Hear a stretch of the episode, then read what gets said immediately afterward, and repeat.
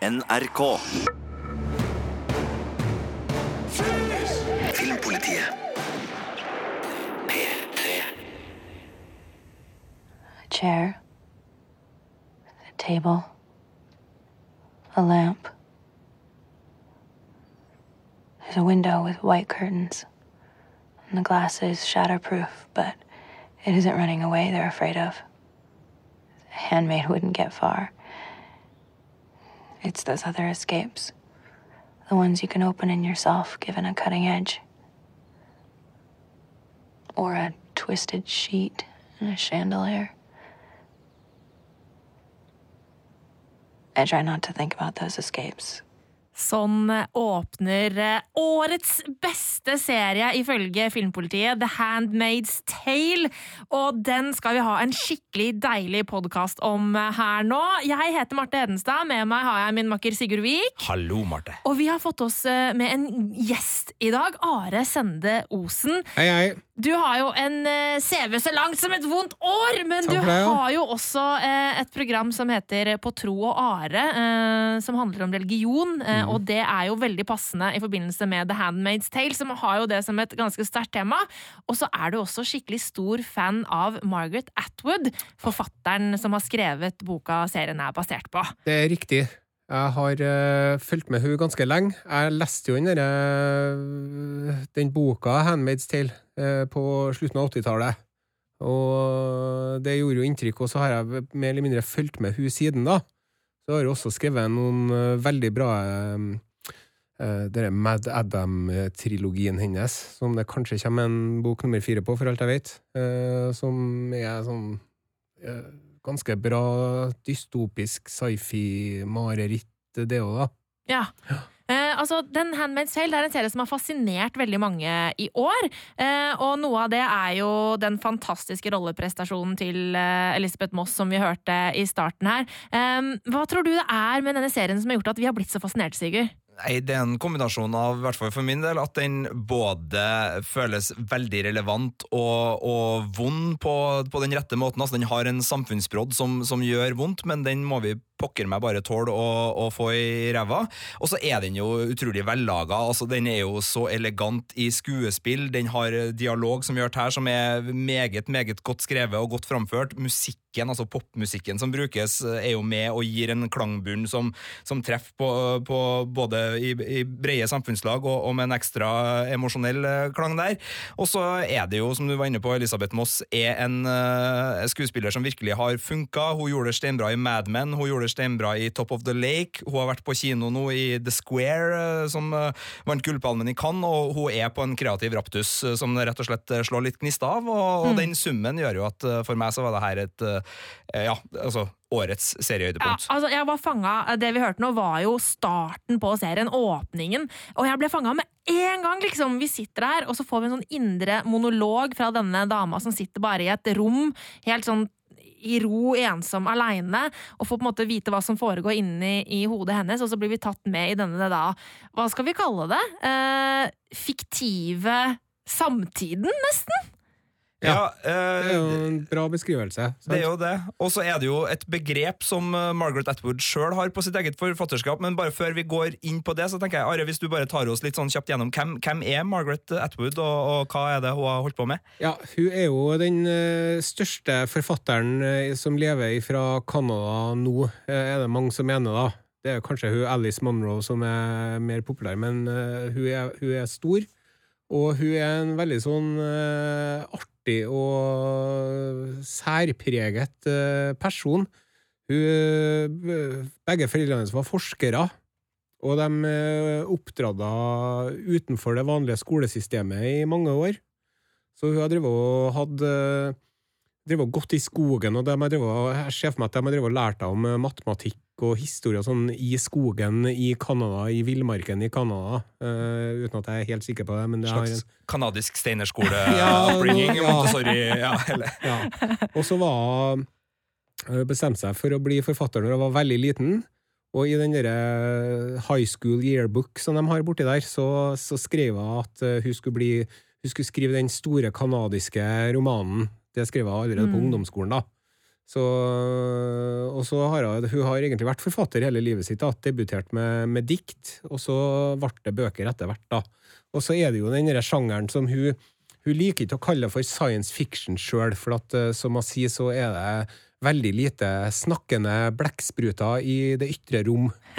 Eh, og hun mener at det er bedre å kalle for spekulativ fiction. Fordi at eh, hun benytter seg av teknologi og ting som finnes allerede. sant? Og Det ser vi også veldig bra i det Mad Adam-serien, hvor det er genteknologi og sånne ting som eh, på en måte blir tatt i det ekstreme, men det er ikke noe av det der som ikke kunne ha skjedd allerede nå, da. De har sånne de har sånne kyllingfabrikker hvor det er en kylling som sitter på et samlebånd, og så har den eh, åtte kyllingbryst som er liksom festa på seg, sånn at, Ja, ja, for å liksom optimalisere avkastninga og overskuddet og sånne ting, da. Um, ja, og når jeg sa det der med snakkende blekkspruter, vet du, så ble det jo veldig mange science fiction-entusiaster som eh, ble litt fornærma og såra og tok litt anstøt av det. Og liksom, eh, ja, men er ikke, er ikke sci-fi-sjangeren en fullgod litterær sjanger? Og så har jeg på en måte bedt om unnskyldning for det etterpå og sagt at det er ikke noe galt med marsboere, bare at jeg vet ikke så mye om dem. Så hun skriver liksom om jorda, da. Ja. sant? Men det er jo en sånn glidende overgang der fra liksom science fiction som Star Wars og Blekksprut uh, ytre rom, til liksom det der hard sci-fi som er er sånn plausibel og, og sannsynlig eh, framtidsteknologi og, og muligheter. Men eh, det hun, eh, i hvert fall på Handmaid's Tale, så sa hun skrev at eh, ja, folk syns at det her er ganske far-fetched, men jeg passer på å ikke ha med noe som ikke på et eller annet tidspunkt i historien egentlig har skjedd. Ja. Eh, Så hun er jo ikke bare altså det er ikke bare fremtidsvisjoner som er troverdige, det er jo også fremtidsvisjoner, i hvert fall for The Handmaid's Tale, da, som også er på en måte en litt sånn uh, Historien går i sirkler, og, og vi har gjort mye faenskap og rare ting opp igjennom, vi mennesker, mot hverandre, og, og skapt mye rare både sosiale institusjoner og religiøse. og det er liksom, alt, alt har en inspirasjon i det vi allerede Ja. har gjort. Det er veldig riktig. Det er jo det der med altså de, de offentlige hengningene, for eksempel. Det er jo noe som foregår i verden i dag. Og dere steininga, det er noe som foregår. Det med at eh, folk må kle seg i forskjellige farger etter hvilken klasse eller eh, eh, kaste de tilhører. Eh, det er ting som skjer i dag, og det er masse sånne ting også, ikke bare i Saudi-Arabia eller eh, sånne sprø land, men også i Vesten, da, kan man si at det skjer ting som hun har med der, da. Ja, for, for Det er ikke sikkert at alle har sett serien vi snakker om. Kan vi kanskje bare forklare litt hva som er tematikken i uh, The Handmaid's Tale? Kan ikke du bare ta oss gjennom uh, det kort? Skal jeg prøver prøve å gjøre det uten å spoile altfor mye med en gang, da, eller hvordan Å ja, vi pleier vanligvis å spoile, men vi er Ja, litt vi spoiler. spoilete. Du kan holde igjen hvis det er sånn unødvendige spoilere, men, men trenger du spoilerne, så har du fritt løyve til å kjøre på oss. Nei, det er jo et uh, teokratisk, uh, fascistisk uh, diktatur som har tatt over størsteparten av USA, sant?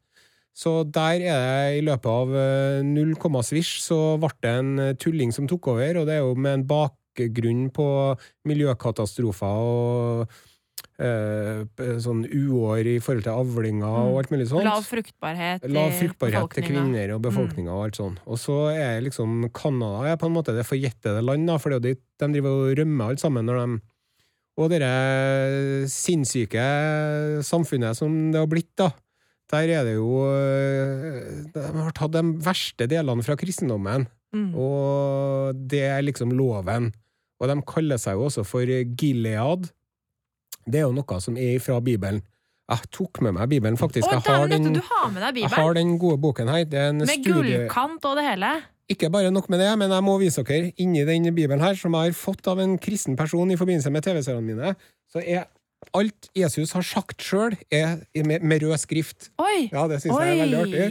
Så du kan lett finne Jesu ord i Bibelen. Jeg vil jo i den bakerste alderen, men, men, men Gilead er jo veldig lite opptatt av det med en Jesus som må vende andre kinnet til, og at de som er ydmyke, skal arve jorden og sånn, for at de er mer på den, den, den delen av Bibelen når Gud gikk rundt Gamle testamentet! Ja, når Gud gikk rundt og var sur hele tida. Og da er det at han, eh, han eh, Jakob, han med stigen, han ja. kommer til en eh, brunn, og så Nå sklir jeg ut litt, men det skiter vi i. Så ser han eh, ei jente som er så fin at han bare må ha. Og så er jo hun heldigvis dattera til onkelen hans. og, Da er og så sier onkelen, da, Laban, sier at hvis du jobber for meg i sju år, så skal du få hun å gifte deg med henne. Men så, eh, han Laban, han er jo en ordentlig Laban, så på bryllupsnatten så tar han og sender inn eh, stygge dattera si istedenfor.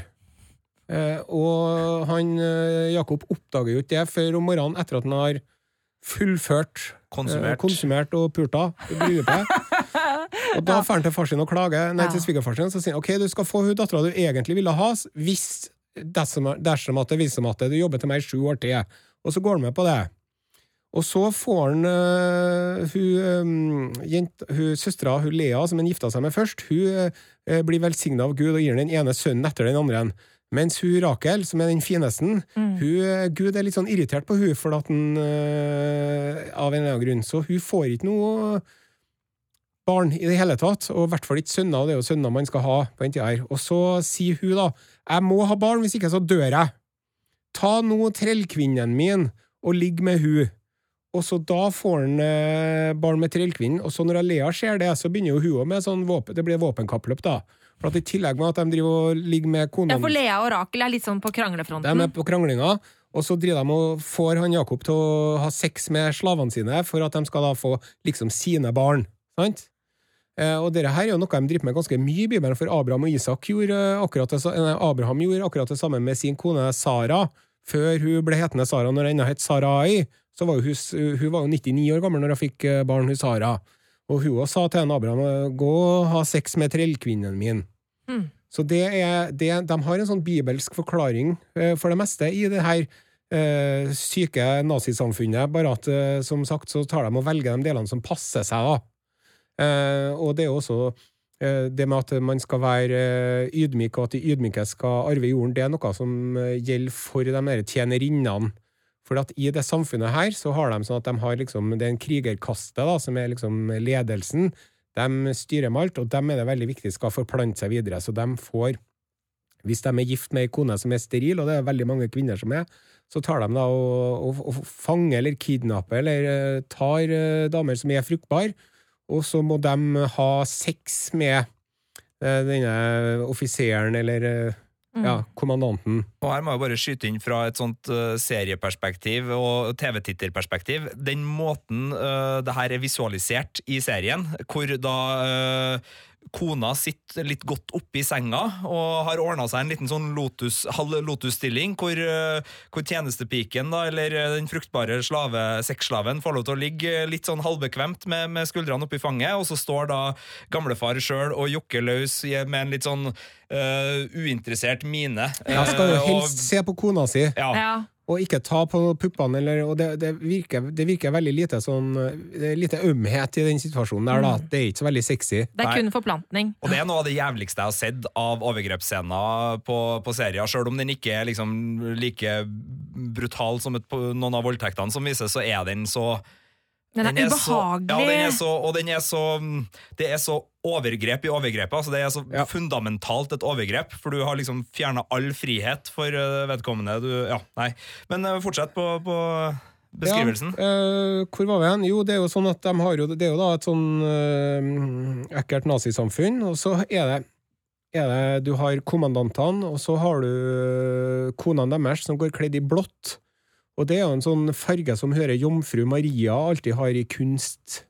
Og så har du de tjenerinnene som går kledd i rødt.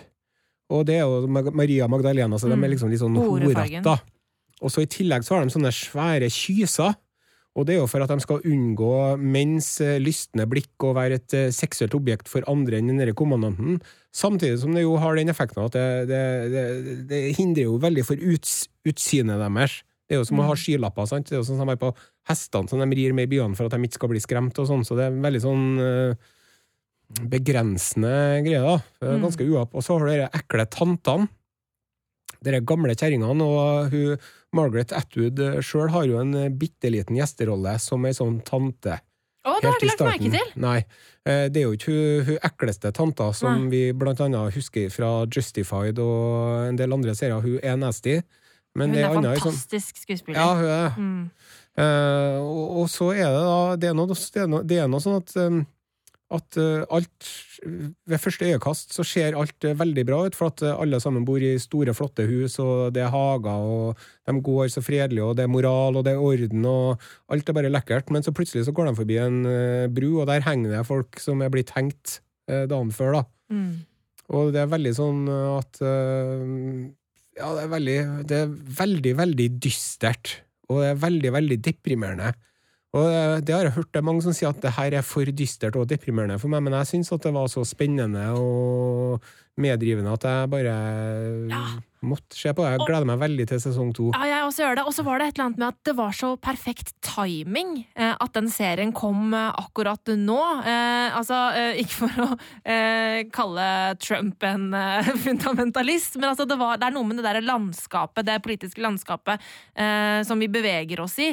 Eh, og liksom eh, Alt det der hatet mot, mot på en måte andre kulturer, hatet mot kvinner og alt mulig det der, er liksom så ekstremt forsterka i serien. Men det er på en måte ting som på en måte gror i virkeligheten, og som på en måte er veldig aktuelle temaer nå for tida. Eh, og da var det liksom så ekstra spennende da, å følge med på den serien, for da var det sånn derre Hm, er det dit vi er på vei? Nesten, da, hvis du skal dra det til det ekstreme.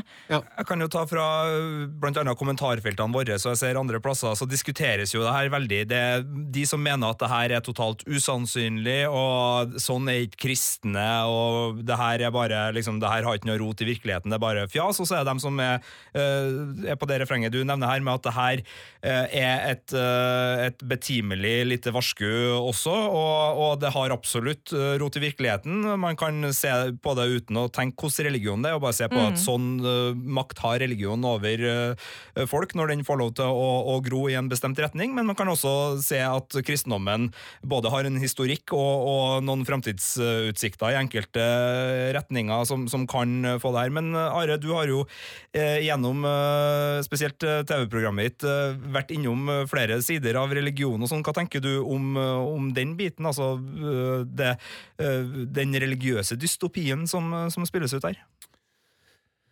Ja, det er jo eh, Det er jo Det er jo Altså, det er som Det det med at de driver og kidnapper unger, og at de eh, For de, hun, hun Offred, hun, hun dattera til presidenten, hun har jo en unge fra før som de eh, tar og oppdrar sjøl. Det er jo noe som de holdt på med i dere i Argentina og Chile under de militærdiktaturene der, sant?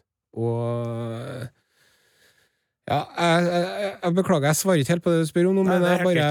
Det er podkast, det er bare å kjøre på. når de, eh, når de begynte å traile det der, når de begynte å komme med de aller første trailerne for den serien der, og det tror jeg var rett etter at den, eh, Donald Trump vant, men før han var blitt eh, For jeg mener at det var på den tida her i fjor at de begynte å slippe de trailerne.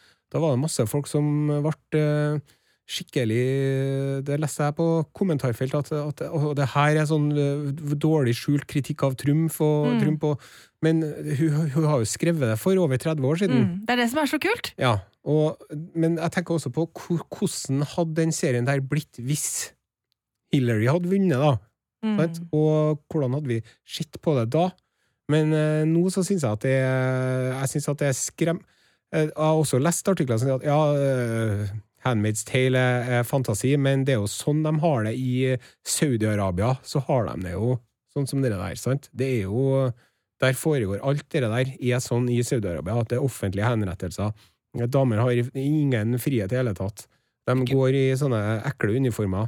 Jeg hørte en artig podkast. Det var en fyr som var en fyr som skulle undervise i journalistikk i Saudi-Arabia. Eh, og da var det vanskelig, for at de mente at eh, han skulle ha mannlige elever skulle få være i rommet sammen, mens de kvinnelige elevene skulle være i et annet rom og se på undervisninga hans via en skjerm. da. Ja, Så han ble nå ikke med på det, men så var han, var han på et stort kjøpesenter i Saudi-Arabia sammen med en av eh, journaliststudentene sine, og så tar de en, en rulletrapp oppover til andre etasjen, og så kommer den, den andre rulletrappa som går ned. Der kommer det da tre saudiarabiske damer ikledd full svart mundur fra hodet og ned til tærne. sant? Det går ikke an å se hvilken vei de står engang, de damene der. Så sier han eh, fyren til han Sjekke babesen, sjekke babesen, da, for at det, det var liksom utrolig spennende at det kom tre damer nedover eh, i Ja. mot dem, og det gikk ikke an å se Nei. hvilket kjønn de var, eller hvordan de så ut, eller noen ting, og sånn er det, og det er et sånt uttrykk for igjen det er en forkvakla seksualitet, sant? Det er bare at man blir helt uh,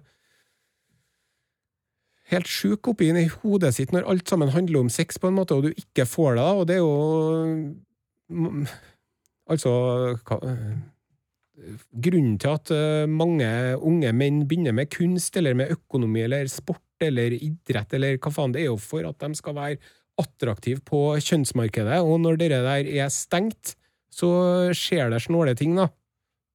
Jeg vet ikke. Bra for Forsvaret, tydeligvis, eh, i enkelte militære leirer. Ja. Nei, men det, men det er jo noe, noe med det, og, og det er jo også noe med, med kombinasjonen av det. Altså, eh, jeg tenker at uh, det her er jo en serie som uh, har samfunnskritikk på flere plan. Det er jo ikke sånn at den bare kritiserer religion Nei. eller bare kritiserer kvinnesyn. Det er jo et sammensurium av det, men det er jo et sammensurium som du var inne på, som ofte har eksistert i kombinasjon. Altså Hvis man lever i samfunn som er veldig begrensende, og der eh, makta er på få hender, og ideologien har blanda seg med menneskesyn og moralske lover og alt det der, så blir det jo ofte eh, sånn at det går over. Og så er jo serien også knakende god, syns jeg, da, og det er jo ut fra et seriefanperspektiv, fordi den viser jo hvor jævla dobbeltmoralsk og tullete det her er på toppen lell, da, fordi at øh, skylda, du var jo inne på det i bekledninga, altså skylda på at kvinner kan friste menn til seksualitet ligger kun på kvinnen. Det er ikke noe, altså Hvis menn eh, har seg med noen de ikke skal ha seg med, det, da har de blitt frista, og det er jo en sånn holdt på å si, klassisk greie, da. Ja, klassisk religiøs greie. Og når de har det her øh, Nå spoiler jeg litt, her, jeg beklager det, men når de har det her gledeshuset sitt da, øh, litt øh, lenger unna hjemmets strenge vegger, så, så har de jo både prostituerte og mat og drikke og alt det de ikke skal ha. Og, og de er jo også selvfølgelig homofili er synd, alt er synd i det der strenge samfunnet, men plutselig så, så viser det seg at øh, nei da, for, for noen For av oss Guttene for litt artig. Tre øl og jazze med guttene, så er det Men så er det også det der, eh, det med at eh, Du sier at ja, hvis eh, mennene blir frista, så er det kvinnens feil. Men sånn som du nevnte i stad også, at det er det med fruktbarhet. Ja, det er lav fruktbarhet i befolkningen på kvinnesiden, men også på mannssiden. Men det eksisterer liksom ikke. At menn er sterile, det fins ikke. Det er alltid kvinnens feil, da. Ja, men det er uflaks, Marte. Det skjønner du òg. Ja, nei, det, det, ja, og så er det også sånn at, at, at hvis man skulle ha- Hvis man hadde skulle ha liksom øh, øh, tenkt logisk, så skulle man jo ha foretatt øh, kunstig befruktning på dem som er, er fruktbare av kvinnene, da, sant? Mm. Men nei, de skal jo gjøre det på, Ja, på litt sånn og gammelmåten. kunstig befruktning, det, det er jo på en måte å leke Gud, ikke sant? Ja. Så i et sånt fundamentalistisk kristent eh, landskap, så, kan man jo ikke holde på med sånt. det er snedig at uh, i, et le, i, et, i et spill som egentlig bare handler om å leke Gud, så er det ikke lov å leke Gud. Eh, det er en merkelig greie. Men så var det noe annet artig jeg leste, sjø, fordi at det er jo dere, det er jo dere bibelske referansene som driver og går igjen uh, hele tida. Og da er det at, øh, i hvert fall i boka, så er det sånn at øh, supermarkedet, der de handler, så heter det uh, loaves and fishes. Det er mm, altså fisk ja. og brød. Ja. Og så har du, du kjøper ost og yoghurt, på milk and honey. Og så har du øh, Blomsterbutikken heter Lillis.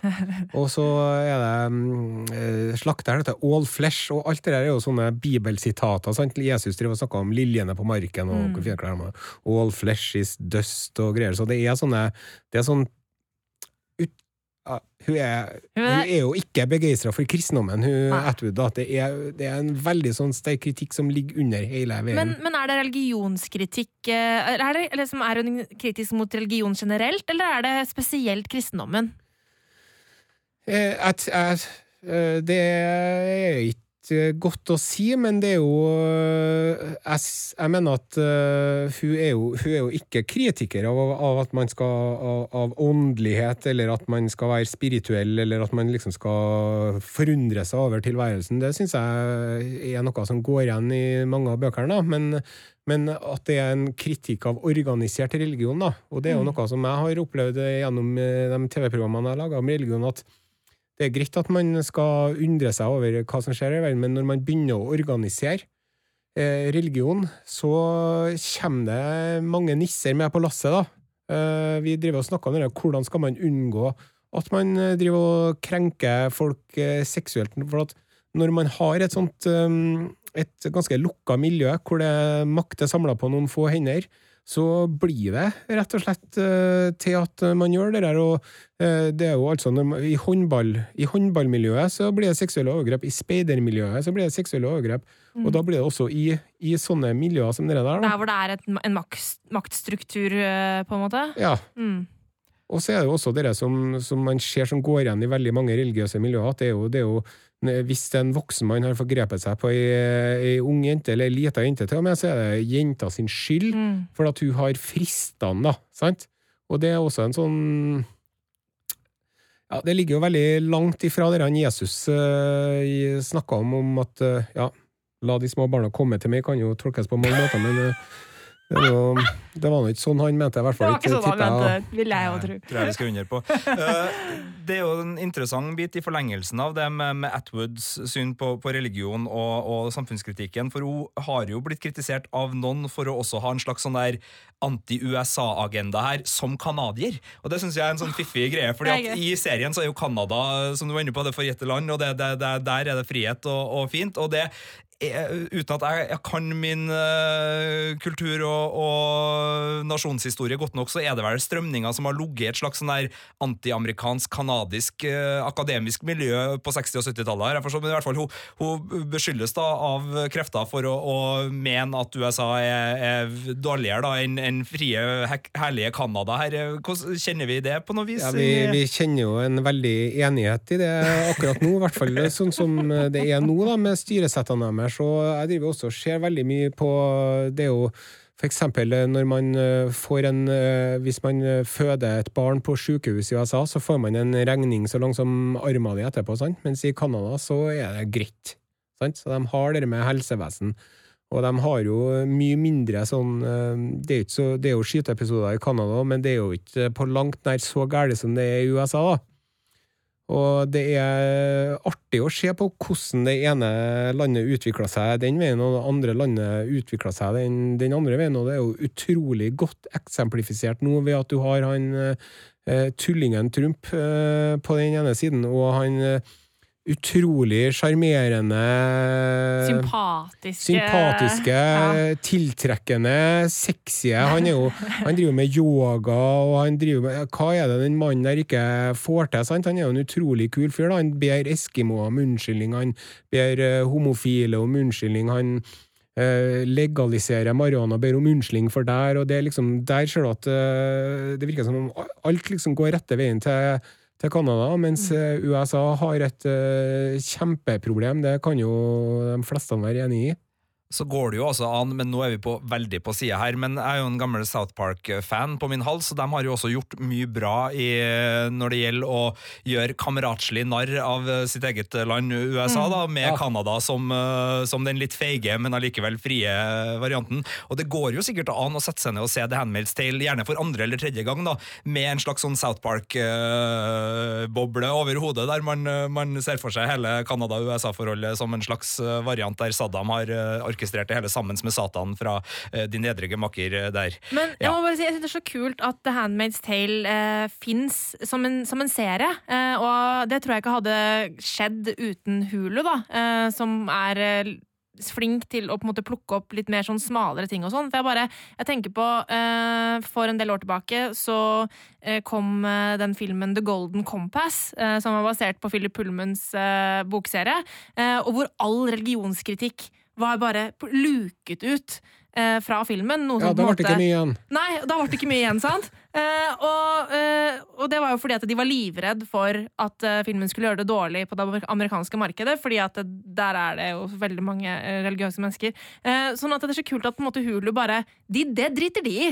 De driver ikke og er redd for, for det, de bare kjører på og lager liksom den serien så kompromissløs da, som de har gjort. Skyt inn at Disney har kjøpt Fox, og Fox eier ganske mye i Hulu, så det kan hende at det var siste runde med Så sesong to av Handmaid's Tale kan nok bli en ganske så annen liten Å gud, nei, vær så snill! Ikke la det skje. Men altså, og til alle som hører på nå, altså, det er altså, vi, vi hater ikke religion, vi hater Nei, ikke USA, nei, vi hater ikke. Disney. Eh, hele tida, altså. Eh, det- jeg det elsker jo Disney, ja, eh, det- men det har et litt men, komplisert eh, forhold til Disney. Det, det er Ja. ting her som er absolutt verdt å, å få med seg.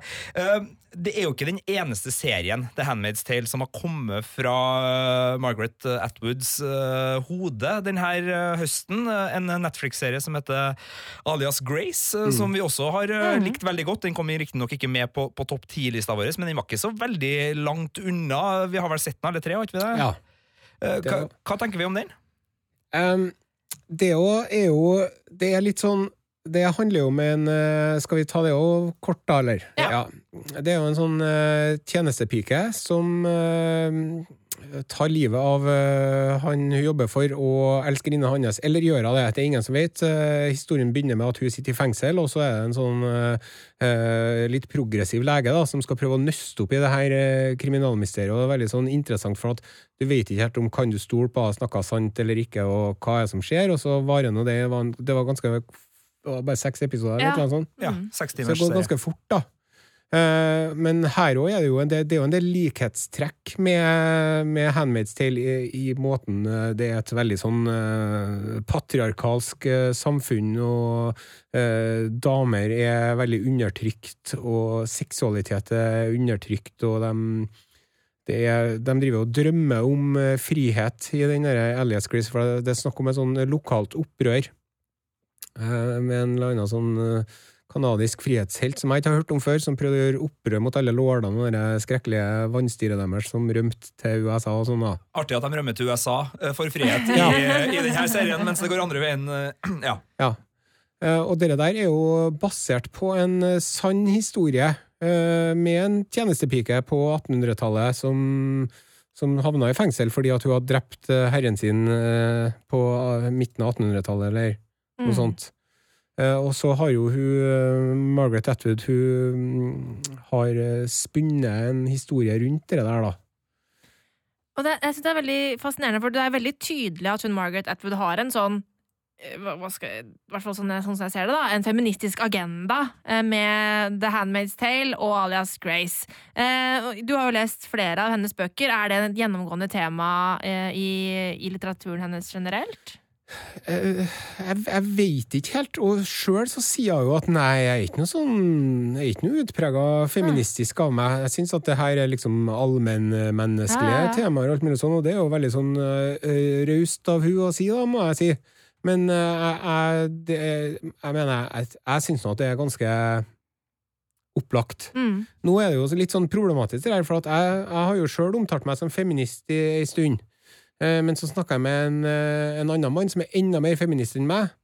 Og han sier at eh, som mann så skal man egentlig ikke si at man er feminist, for at det er noe som er forbeholdt damer. Oh. Men som mann så kan man si at jeg er veldig enig i feminismens idealer. Ja Fordi at dere feministene, de ordentlige feministene de er vel- er visst ikke så veldig begeistra for at vi menn skal komme og, liksom, og begynne å presse oss inn på det feltet der òg. Du kan jo mansplaine for dem at det er helt greit at det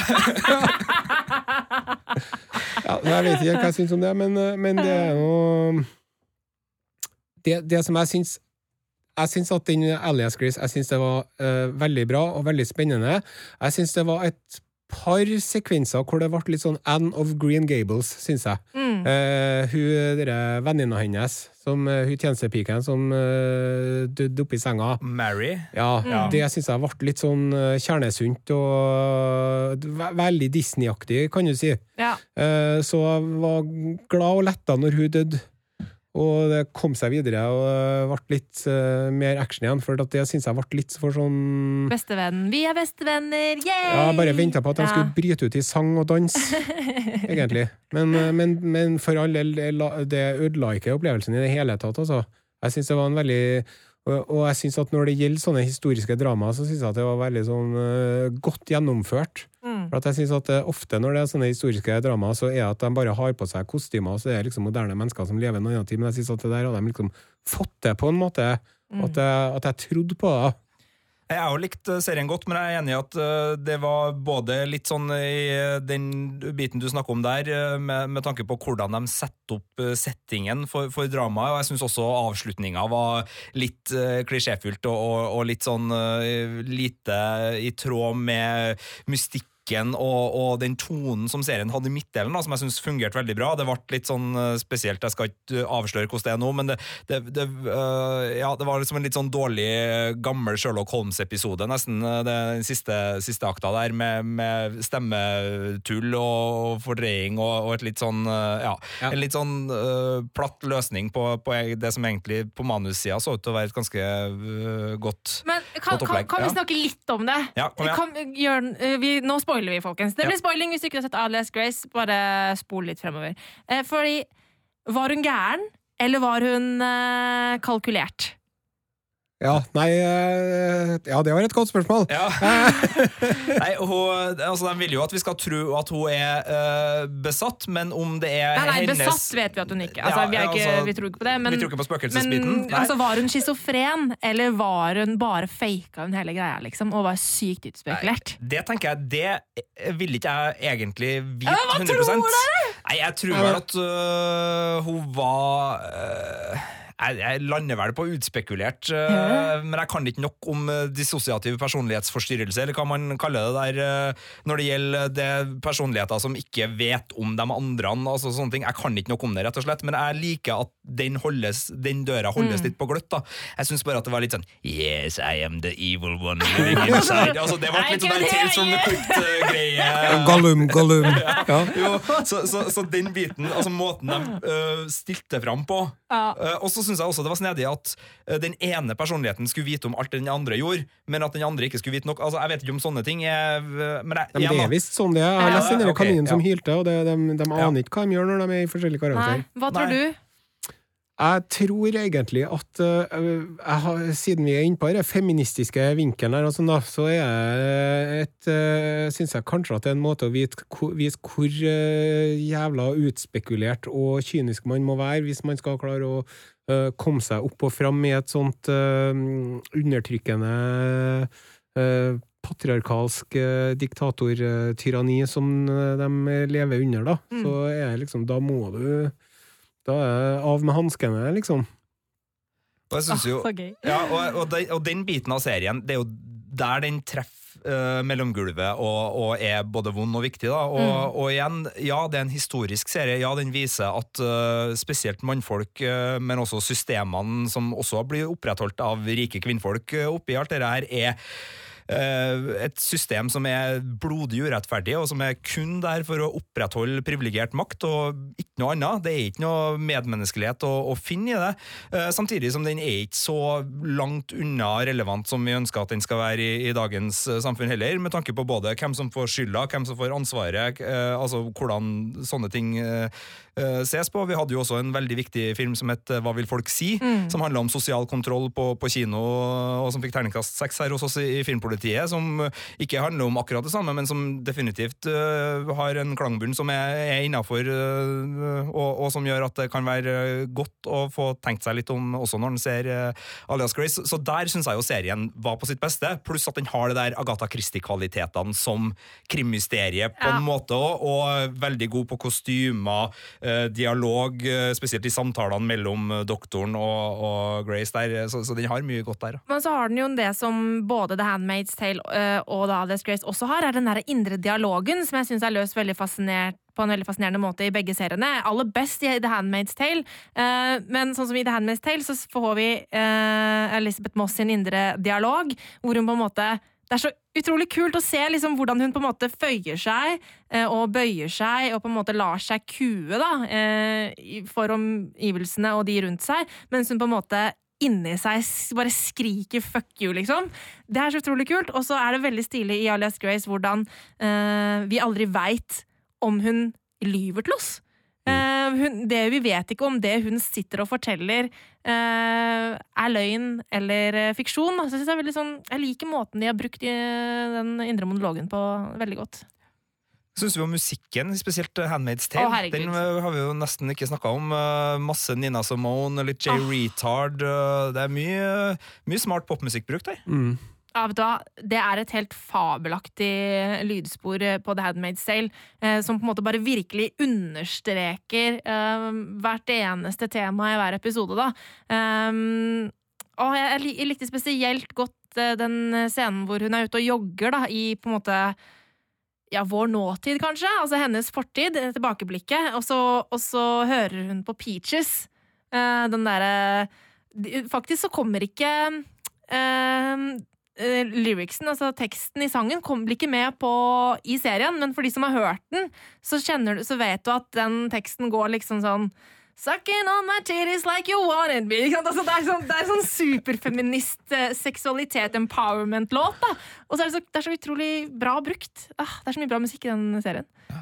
Uh, jeg likte jo veldig godt uh, Nå er vel You Don't Own Me av Leslie Ja, Gore eh, Me, på, ja. på rulleteksten i første episoden. Og så er jo også nydelig. den eh, Ja, eh, det, det er veldig mye, mye fint der. Eh, Mm. Men bare, eh, for det er en ting vi ikke har snakka om nå, som er en spennende del av det. Det er jo den Canada-biten. Altså ektemannen til Offred, Mm. som jeg ikke da egentlig skal kalle henne Hva heter hun? June heter hun i serien. June, Og så heter ja. hun da Offred fordi mannen heter Ja, Fred, Fred. og hun er Offred. Ja. Ja, og den andre heter jo Off Warren, sant? Ikke Og så er det sant. også det at hun er på det, Hun er ofra.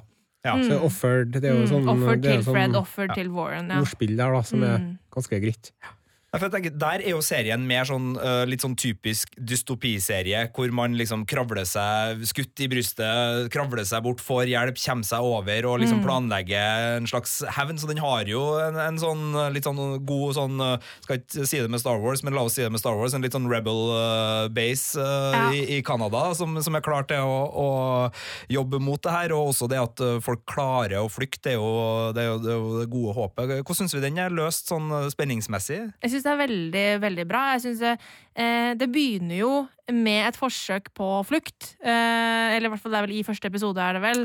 At de kjører en Eh, gammel Volvo, yes. Oslo til Brita. og det er jo, det er jo alle, alle som er snille i amerikanske filmer og TV-serier, de kjører jo en gammel Volvo. Hvis du, Er det er i Garp og det, jeg, jeg kommer ikke på det nå, men det, hvis du ser det, så hvis de kjører en Volvo, så vet du at det her er ikke, her er ikke bad guy, selv om kanskje ser sånn ut.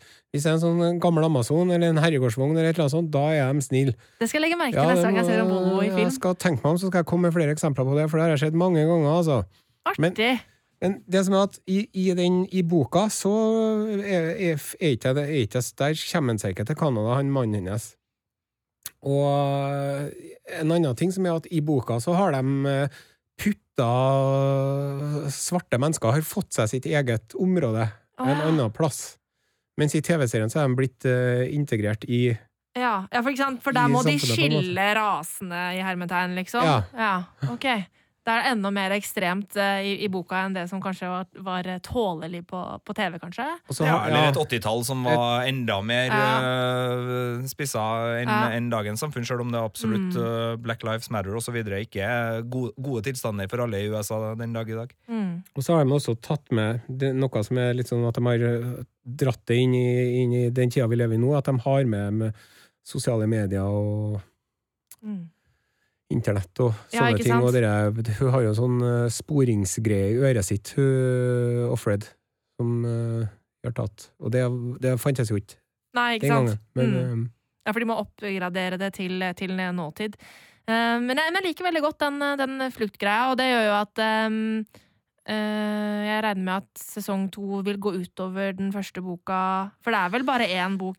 tro- Ja, det er det? slutter jo Nå er det lenge siden jeg har lest den, altså, Ja. men jeg mener at og nå, Det sier litt om hvordan jeg husker, men jeg mener, jeg mener å huske at de, at de reiv ut øyet på Offred i boka. Ja. Eh, det har ikke jeg fått undersøkt, men jeg, jeg, jeg lurte litt på hvordan skal det gå med eh, Kate Moss Eh, Nei, hva heter hun? Elisabeth. Elisabeth. Moss, ja. Mm. Hvordan skal det gå med Elisabeth Moss eh, når de river ut øyet hennes? Men det gjorde de heldigvis på en annen, en annen dame, da.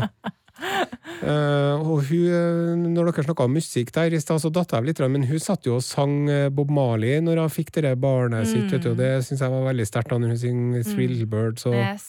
og sånn, da. Men eh, Ja, det no, det blir spennende å se, blir det. Ja. Og det, er også, det er også, var jo så artig med det med Mexico, for at Mexico er jo også et uh, land of the free, plutselig.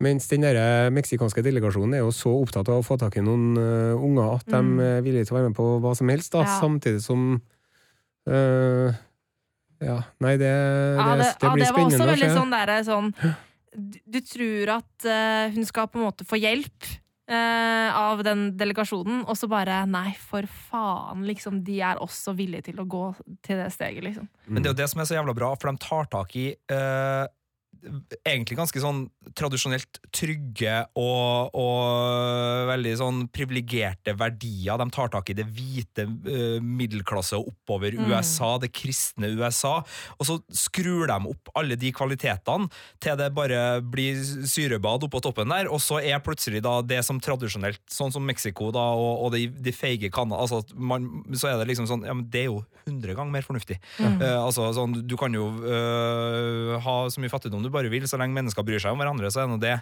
å foretrekke øh, enn det her øh, forferdelige Så, så, så det, set, det blir jo også en sånn kritikk av privilegier, og, og, og det der med, med nettopp da å samle både ressurser og, og makt på, på få hender, hvor, hvor ille det blir. Men det du sa om Bob Marley der, Are, bare for å gå tilbake til det, det, det gjør det jo så utrolig mye mer øh, potent da, for å skape reaksjoner inni kroppen min. Fordi det er jo nettopp det at øh, de bruker En ting at de har modernisert historien, så den foregår i litt sånn vår tid, og det er smarttelefoner og sånne ting, sånn at det er gjenkjennelig, men når de da har på en måte litt sånn den samme, de samme kulturelle minnene som oss altså du, sånn, mm. Hvem er det vel ikke som, øh, som kan liksom øh, drømme seg tilbake til en Og de viser jo i tilbakeblikk også sånn, en forelskelse som er knytta til den låta, eller sånn, og så det, og det at de ikke bare da bruker uh, score-musikk, altså filmmusikk som er uh, designa for det her, men faktisk ja, lar ei kvinne som er i en så absurd situasjon for oss, så langt unna den verden vi kan se for oss, men allikevel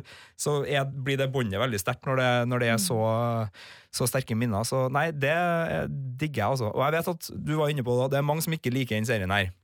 Fordi den er så dyster og så seig. Og, så, og jeg, jeg kan skjønne dem som syns den er kjedelig, jeg kan skjønne dem som syns den er for vond og tenker at det her har ikke jeg lyst til å få meg. Og jeg har sjøl advart folk ikke binge den serien her nødvendigvis, for at A, du trenger litt tid til å reflektere over hva du ser, og B, den er så tung at det kan rett og slett bare Det kan ødelegge i helg, det, å se alt det her i et, et jafs. Men uh, hvis man uh, porsjonerer det ut og tar seg tida, så er det en utrolig belønning i det materialet man får, fordi den gir på så mange plan, og den gir som en god litterær uh, tekst. Den gir som samfunnskritikk, den gir som ei emosjonelt gripende historie, og, osv. så og så videre. Så det, det er en raus uh, sak de har laga. og hva er det hun sier eh, mot, mot slutten? eh, if they didn't want to um, If they didn't want us to be an army, they shouldn't have given us uniforms, eller noe sånt noe. Ja. Åh, det er så dritbra, da! Og jeg bare gleder meg så utrolig mye til eh, andre sesong, ass.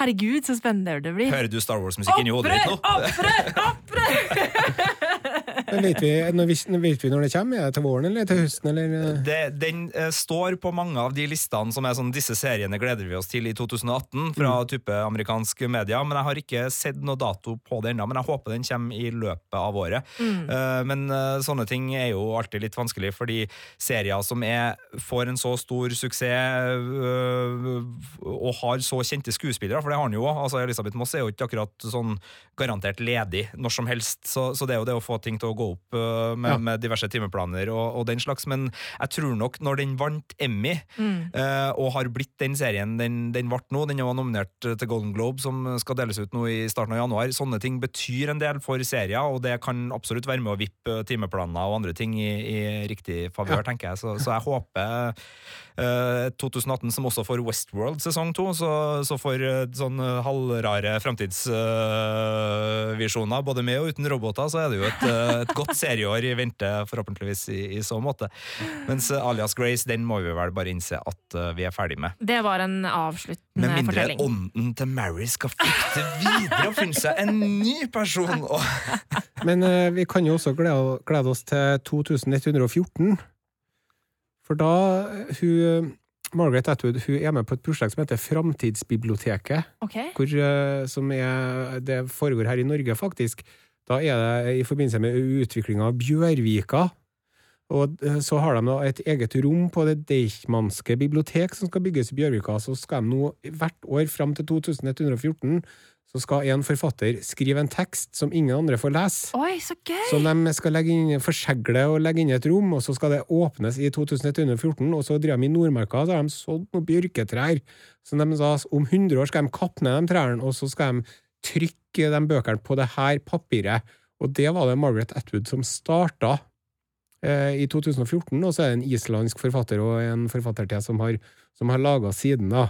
Så Så, kult! men hvis vi skal få med oss det, så må vi, da må vi begynne å ta tran, altså. Ja, det Ja, må vi da. men det Håper går at det bra. skjer noe. Altså, vi, vi, fremtiden er nå, folkens. Altså, vi lever jo i en science fiction-tid hvor det plutselig kommer det ny teknologi, så altså, hjernene våre de kommer til å leve lenge. Du tenker Futurama, du tenker hyllemeter med hyllemeter med, med Nixon og oss. Ja, nei, det, det kan bli festlig, det. Men øh, sånn for å korte ned ventetida, da. Mens vi sitter her med tranbøtta våre og koser oss, og det er jo jul og greier, og vi skal jo ha det litt artig. Nå har, har du, altså, det har jo vært et eh, forrykende bra serieår, og det, har, det er jo en høytid for serier, egentlig siste peak TV, som de Ja, det Ja, en det. herlig tid å leve i. Ja, har du noen andre noen sånn serieanbefalinger? Ja, det har eh, jeg. Eh, Jeg, skal jo, jeg kan jo ta dem som jeg skal sjekke ut, da. Jeg skal sjekke ut Gunpowder og Nightfall. skal jeg sjekke ut. Selv om jeg er litt sånn skeptisk til det. Altså, jeg, har, jeg skulle sjekke ut Nightfall sjæl. Jeg gleder meg til den, for jeg syns det er veldig gøy med tempelriddere og sånn. Ja. Det er veldig, veldig artig. Også Gunpowder har jo drøss av eh, kjente skuespillere som jeg er spent på å se hvordan gjør det. Så helt enig Ja. med Var det de to, bare altså. én bestemt skuespiller du er ekstra spent på? Også, Ekstra eller? spent på Kit Harington, selvfølgelig. Men altså, du har jo altså, det er Game of Thrones, og så har vi Lord of the Rings møtes i en sånn herlig, skjønn forening. Ja. Jeg, bare, jeg har sett første episoden av Nightfall. Ja, Uh, Har du det, ja? Å, nå- nå ble jeg redd. Eh, det, det, det, den er, men den, ja, den Ja, for det er samme folkene som lager Vikings, så jeg Ja. syns ikke det Vikings oh, ja, det er det, eh, ja. akkurat reiv av meg sokkene, altså, for å si det sånn. Jeg, jeg følger jo med på den, og jeg liker den, men den er jo noen hestehoder under Game of Thrones, både på Ja, production altså, value ja. og manus og, og rollefigurbit. Men altså, det som er så fint, de, har ofte noen rollefigurer som er så gode at det blir underholdende å følge med på, men Ja. for Night, uh, Nightfall så er det jo uh, tempelridderhistorier, som er, Mm. som er altså Vikings, det blir litt mer sånn livet i gamle dager for meg, Ja. men, eh, men tempelridderhistoria, der er det jo, og på den første episoden, det er jo rett opp med Wikipedia etterpå for å finne Mm. ut, å ja, den byen, og når ble den tatt, så, så den har absolutt de, Ja. de der knaggene som, eh, som hekter på, og så er det jo da selvfølgelig en del menneskelig drama blant disse Ja, det var det, eh, ja. tempelridderne. Det var noen vakre kvinner òg, Eh, kanskje. Cirka 20 minutter uti, så rusler det en vakker kvinne forbi. Og så, ja, ja. Nei, nei, men, men eh, det, nok om det. det er Nightfall. Det, det, er mange som er, er gira på den, altså. Absolutt. Ja, nei, så det blir spennende. Så har ikke jeg fått somla meg til å se Twin Peaks ennå, så jeg skal prøve å få med meg det i, i juleferien. Eh, ellers så likte jeg jo The Deuce, syns jeg var kjempebra. Og det var så godt å se at uh, jeg, jeg, fikk den derre Wire-vibben med en gang, da. Og jeg syns at eh, det var jo grotesk med de ekle pimpene, spesielt av dem, var veldig usympatisk. Og de stakkars eh, sexarbeiderne der i New York, det var jo hele for, forferdelige liv de lever, men lell så syns jeg at er det, så, det er så godt å se at at, at dialogen bare sitter som ei kule, og karakterene bare er helt steinbra, og så er det spennende, og det virker så lekende lett og utvunget, og jeg bare syns at det bare Yes! Sånn er det skal være! Og jeg har ikke tenkt det der nesten siden, eh, siden The Wire, nesten at så enkelt og nydelig kan det liksom serveres. Det er sånn det er som ballett og fekting, sant? Det ser jævlig lett ut. Jeg vet jo at det ikke er lett, men, men det syns jeg var fantastisk med det dus, da. Og at han James James DiFranco røyker i hver eneste scene han er med i, så har han en røyk i hånda si og i munnen sin. Det syns jeg, jeg var artig. Så jeg vil gjerne få anbefale det dus, da. Jeg hiver meg på den og slenger på en ekstra James Franco-anbefaling, for han er også å se fra første juledag i filmen The Disaster Artist på kino, hvor han har både regi og hovedrollen, som er filmen om den ganske rare filmen The Room fra 2003, som Tommy Wiseau laga, som er en kultkalkun Verdens dårligste film. Ja, det er verdens dårligste film, sammen med Plan 9 from Outer Space og alle de andre verdens dårligste filmer. Men, men det er et eh, kjærlig portrett av en meget eh, spesiell filmskaper. Tommy Wiseau har et syn på den amerikanske glansbildet og Hollywood som er annerledes. eh, Men det gjør ikke James Franco narr av. Han, han tar det til seg og viser fram at ja, vi har såpass til raushet her i verden at vi kan le med uh, Tommy Wiseau, og ikke bare av. Så, så, men James Franco i The Deuce, altså. Det, Ja, var- det er var kule greier. Ja. Ja. Og så er det jo, det er jo som du sier, det er jævlig mye bra nå. Det er jo den The Crown syns jeg også er fantastisk. Og så likte jeg Master of None, syns jeg var utrolig herlig når han eh, for rundt og kjørte moped i Italia og sånn. Syns jeg var en veldig sånn veldig vakker og artig serie. Ja, helt Og så enig. likte jeg Better Things med hun eh, lille kjæresten til en eh, Pamela Adlon. Ja, Pamela Adlon. Den synes jeg var Den òg var Og den Kanskje Det er litt underlig, for at det er en komiserie som ikke er så jævla artig alltid, men jeg syns det ble Det synes jeg ble sånn utrolig sterkt og vakkert på slutten og, eh, var, var det en tåre som pressa seg fram i øyekroken eh, på en av de siste episodene? Jeg er ikke helt sikker. Jeg vil ikke innrømme det på verken radio eller podkast, men eh, det syns jeg var veldig bra. Og så må jeg si at jeg syns jo at eh, Better Call Saul er noe som er helt utrolig bra og helstøpt, og jeg bare gleder meg til å se hvordan det går, da. Så jeg håper at det kommer eh, jo før jo heller. Er du enig med meg at sesong tre kanskje er den beste sesongen av Better Call Saul så langt? Ja, det er jeg. Eh, og det er så artig å se dere skiftene der, for det er jo på en måte tre hovedhistorier der òg. Og når, når det liksom skifter tema fra den ene til den andre, så tenker jeg nei, vi kan ikke slutte med det her nå, for nå er det så spennende, og så blir du revet med i det andre, og så nei, vi kan ikke slutte nå, og, så, så det, og det blir så spennende å se hvordan vi ender opp der vi endte opp når vi begynner på Breaking Bad igjen, og hvordan han endte opp som Saul Goodman eh, på alvor, da. Det og jeg syns det er så utrolig bra. Jeg synes at Det er så veldig, det er sånn utrolig stilig og veldig sånn elegant, og måten det alltid begynner med en sånn eh, liten scene som eh, Uten at du, den røper noe, så bare setter premisset for hva som skjer i hele den episoden. da. Ja. Så Better Call Saul synes jeg var, det var så bra når de ga seg med Breaking Bad, at de bare klemmer til med det der, for det er helt herlig. er det. Herregud, når vi snakker her nå, så bare tenker jeg sånn For et serieår det har vært! Ja, ja, ja. For et fantastisk år! Vi har hatt så utrolig mye kult å, å kose oss med på skjermen. Ja, Mm. og eh, helt enig i den Better Call Saul-greia. Fordi det som også er Nå er ikke bare Saul Goodman. Jeg er spent på Jeg er like spent på Mike. Jeg er like spent på øh, øh, han Los øh, Polos Hermanos, holdt jeg på å Ja. si. Altså Gus Frings. Altså, jeg, jeg, det er alle Så han ikke rollefigurene. meksikaneren som uh, holder Ja. på, og så hun kjæresten hans, hun Ja. Nei, det, det er så bra, og, og jeg er også veldig enig i eh, Master of None og Better Things, som jeg mener, eh, du var inne på det, det er jo ikke komiserier, bare det er dramakomedier. Altså, Ja. det er noen Det er jo av de den beste derre dramediesjangeren som eh, har kommet de siste åra for alvor. Ja, og det jeg ser På en måte å se det på er å si at Louis C.K. har hatt mye med den å gjøre, da, fordi at Louis-serien var kanskje en av de som var visste at det gikk an å ha stor suksess med det, men Transparent, Master of None, Better Things, øh, uh, Mozart in the Jungle til en viss grad altså det, det har kommet så mange av det der halvtime Atlanta, ikke minst Donald Glover sin hiphop-dramedie. Det er så mye godt der, da, og jeg, jeg sitter jo og griner på Better Things, og den familien syns jeg jo er helt, ja. helt fantastisk, og det samme gjør jeg med, med Aziz Ansari og, Master of None, også, for det, det, er, det, det er så ektefølt, og grunnen til at det er artig, er for at det er vondt.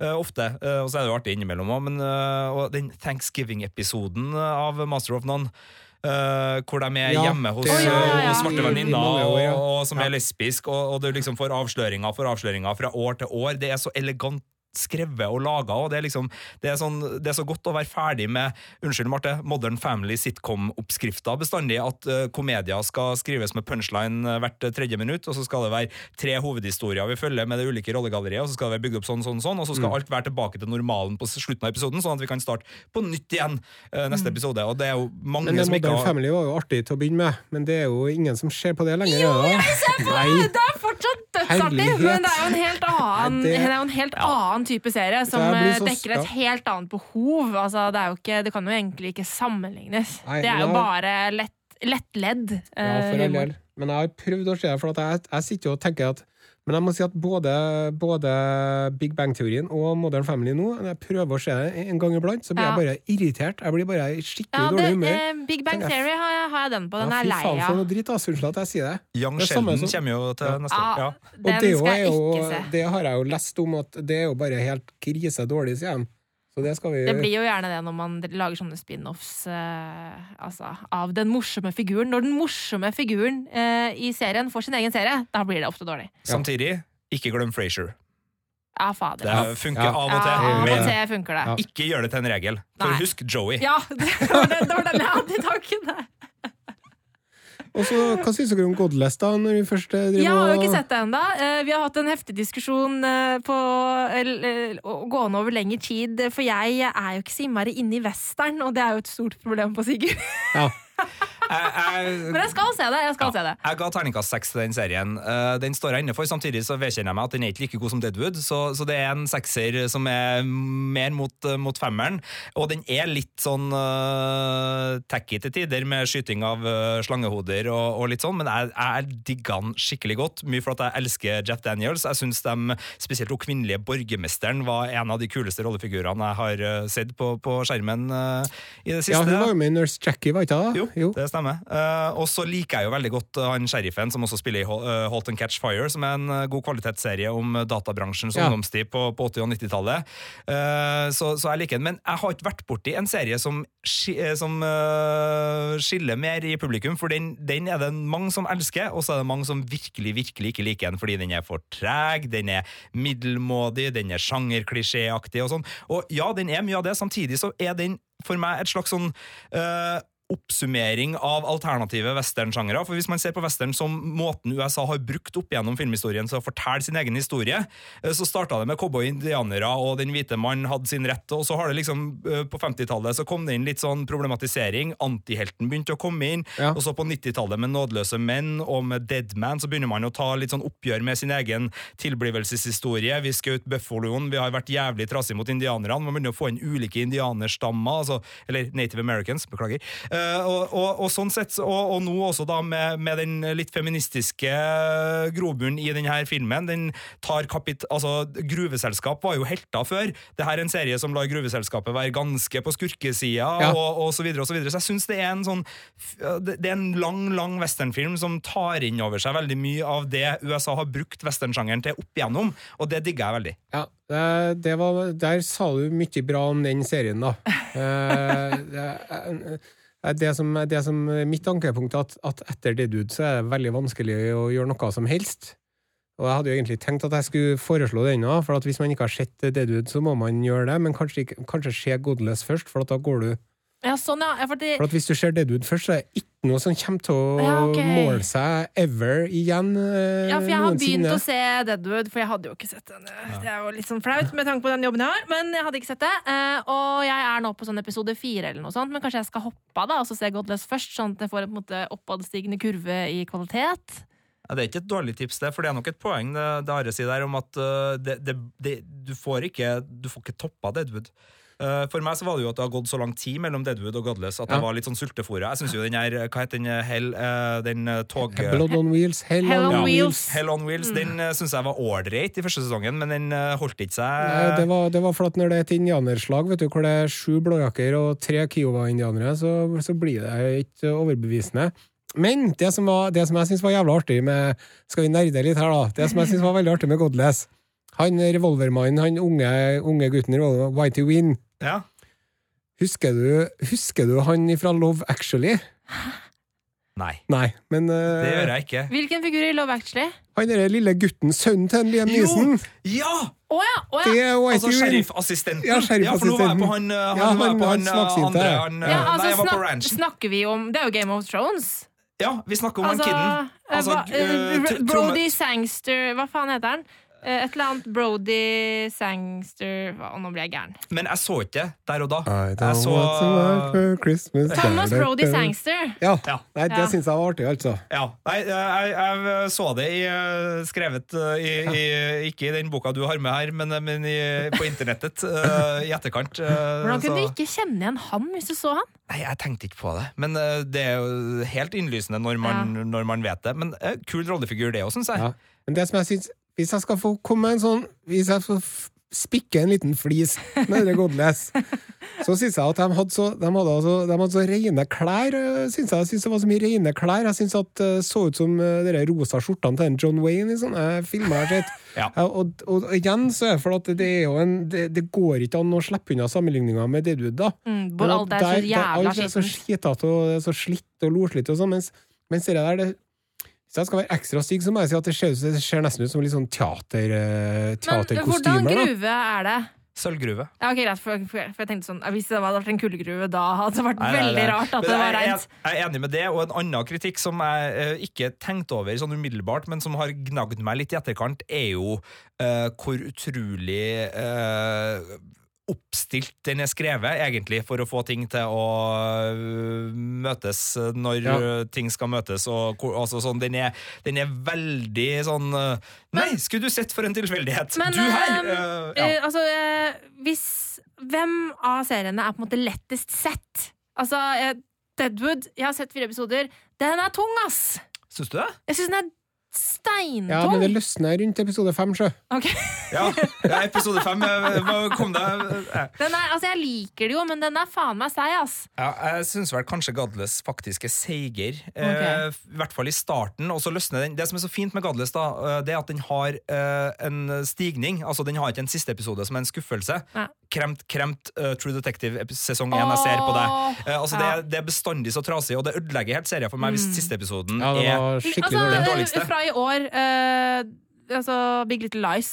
Ja, akkurat samme. Veldig fin serie. Og den, hadde, øh, den var jo nesten på topp Ja. ti hos oss lell, men den siste episoden, Big Little Lies, akkurat det samme. Du, den, Så bare pju, Ja, så det- det går du ut med en skuffa følelse, og da trekker det på en måte nivået på hele serien ned. Eller inntrykket ditt av serien ned. da Ja, og der er Godless uh, slutter på en, Ja. på en øh, high, da. Ja. så, så den blir lettere og lettere etter hvert som du uh, får storyen, men de første tre-fire episodene av Godless, og det er vel bare sju, de er, kan være seige. Ja. Men jeg har også en sånn innvendelse, for at jeg, jeg husker når jeg var liten, så var det en TV-serie som het For i det ville vesten, med James Arnes. Mm. Eh, det er ikke kruttrykker, men det som kom etterpå. Og så var det Bruce Boxletner som var helten. Det var hver lørdag kveld eller fredag kveld eller når det var, så satte vi oss ned, så så vi på I det ville vesten, og det var jævlig bra. Mm. Men det er litt sånn, det er litt sånn Ok, i den ene episoden så er de eh, isolert eh, for at det er koleraangrep, og de sender mm, en, en, den lille gutten inn til byen for å ordne medisin, og det tar ei uke, sant? Men så i episoden etter så er det bare en liten dagstur inn til byen. Mm. Og så er så de blander det er blåjakker, og det er indianere, og det er kvegfolk, og det er sauefolk Det er liksom alle westernklisjeene som finnes, blir putta oppi den samme gryta, og så rører man ut, og så tar man i dag er det den suppa, i dag er det den suppa. Og det syns jeg at det var litt godless. Jeg synes at han, han den lille gutten Jeg synes at det er litt sånne, det er litt sånne narrative svikter, eller hva du skal kalle det. Jeg synes at de liksom eh, Hvordan går det an at han kommer dit, og at de ikke har kommet tilbake? Så jeg sitter, jeg sitter og blir litt sånn Sitter og irriterer meg litt over det den derre mm, Ja, det her nå Det er er for lettvint, synes jeg. Mm. Okay. Og igjen, hvis du skal sammenligne med The Wire da, og, og Ja, ja. Deadwood, som jo er liksom Det kommer ikke unna, så det, blir det litt for sånn lettvinte løsninger. Men når Eh. det er sagt, så er altså Skal jeg slutte å avbryte? Underholdende, liksom. Ja, det var jo kjempebra. Og så syns jeg også at det begynte så mørkt. Det begynner så mørkt, da. Og så syns jeg at det å bli litt sånn Anne of Green Gables etter hvert, det blir litt sånn eh, Disney-western på slutten. Danser i sånn avslutnings... en eh, par sånne skrekkelige scener som skal liksom gjøre det veldig grovt. Clint Ah. Eastwood og Lim Marvin kommer inn, så er det Paint Your Wagon musical-avslutning på, på hele greia. Nei, ja. Men uh, Are, jeg og Marte kan ikke være uenige med deg, for at vi har brukt uh, sånn ca. tolv episoder av en podkast Ja, ja, ja. på å kritisere Game of Thrones for Ja. akkurat det samme. Ja. Eh, fordi der òg er det eh, distanser og, Ja. eh, og Mm. altså, Hvor fort flyr den jævla ja, det, Ja. det, det viktigste for dem som har skrevet det, er å få plottet til å gå opp. Og de har bestemt seg for det er en plottmekanisme, det er en plottmekanisme altså, De har bare satt opp et sånt, og så uh, bare og så, Nå så da må trenger vi de at de der. skal få den beskjeden, så da må de bare være der nå. Ja. Ja. Og jeg, så jeg ser den innvendinga. Jeg tenkte ikke på det, for jeg, var, jeg så jo alt det der i en uh, smekk, sju timer rett på, og, og var bare så Jeg var så begeistra. Jeg kosa meg sånn, for jeg syns Jeff Daniels var så uh, herlig Ja, skurk. og uten og Jeff likte- Daniels hadde det ja. ikke gått bra med den serien her, altså. Det Nei, den hadde ikke. ikke. vært like god da, nei. Uh, Men, så, men jeg ser, ser innvendingene her, og, Og så, også mens, vi, mens vi driver og rakker ned på denne der, så er det jo en del sånne stereotyper som igjen man må sammen... Altså han derre avismannen, da. Den, ja, han- hvis- Slue journalisten, ja. Ja, hvis du sammenligner den slue journalisten med han, den journalisten i, i Deadwood, Ja. sant? og en del andre sånne hvis du, hvis du sammenligner den sterke kvinneskikkelsen eh, i, i Godless og Deadwood Calamity Jane og Høre ordføreren, det er, da, er, da, blir det, da kommer det litt til kort. Men uh, det er jo også noe med at miniserie versus uh, storserie og film altså Man har tre ulike, og Ja. uh, filmen og miniserien er jo ofte kommer jo ofte til kort mot serier som Deadwood, som bygger og bygger over tid. Og Ja, som og du vet kan at de i hvert fall skal- ja. og du lar, lar deg bli kjent med dem. og det er jo, og- altså, Hvis du hadde kutta Deadwood, for eksempel, hvis du er så dum at du bare ser tre episoder, og så gir du deg som, Nei, jeg skal ikke gi meg! nei, Jeg skal Eh, så, er jo, så er jo mange av figurene i Deadwood fattigere. Ja. Uh, og jeg vet jo også mennesker som ikke klarer å se på Deadwood pga. at sheriffen er så karikert og så lite troverdig. Altså min justified personlige venn. Ja. eh, Han, han, han, uh, han er kul. Ja, Jeg liker han. men jeg vet jo om folk som slutta å se Deadwood fordi de ikke klarte han. Jeg og syns at han han var bare sånn når han ble sint, jeg. ja, jeg òg. Men han er, en, han er jo også en rollefigur som det går an å ikke ta for god fisk. Ja. Så det der blir jo litt sånn smak og, og behag, men jeg er helt enig med deg at uh, Deadwood er bedre.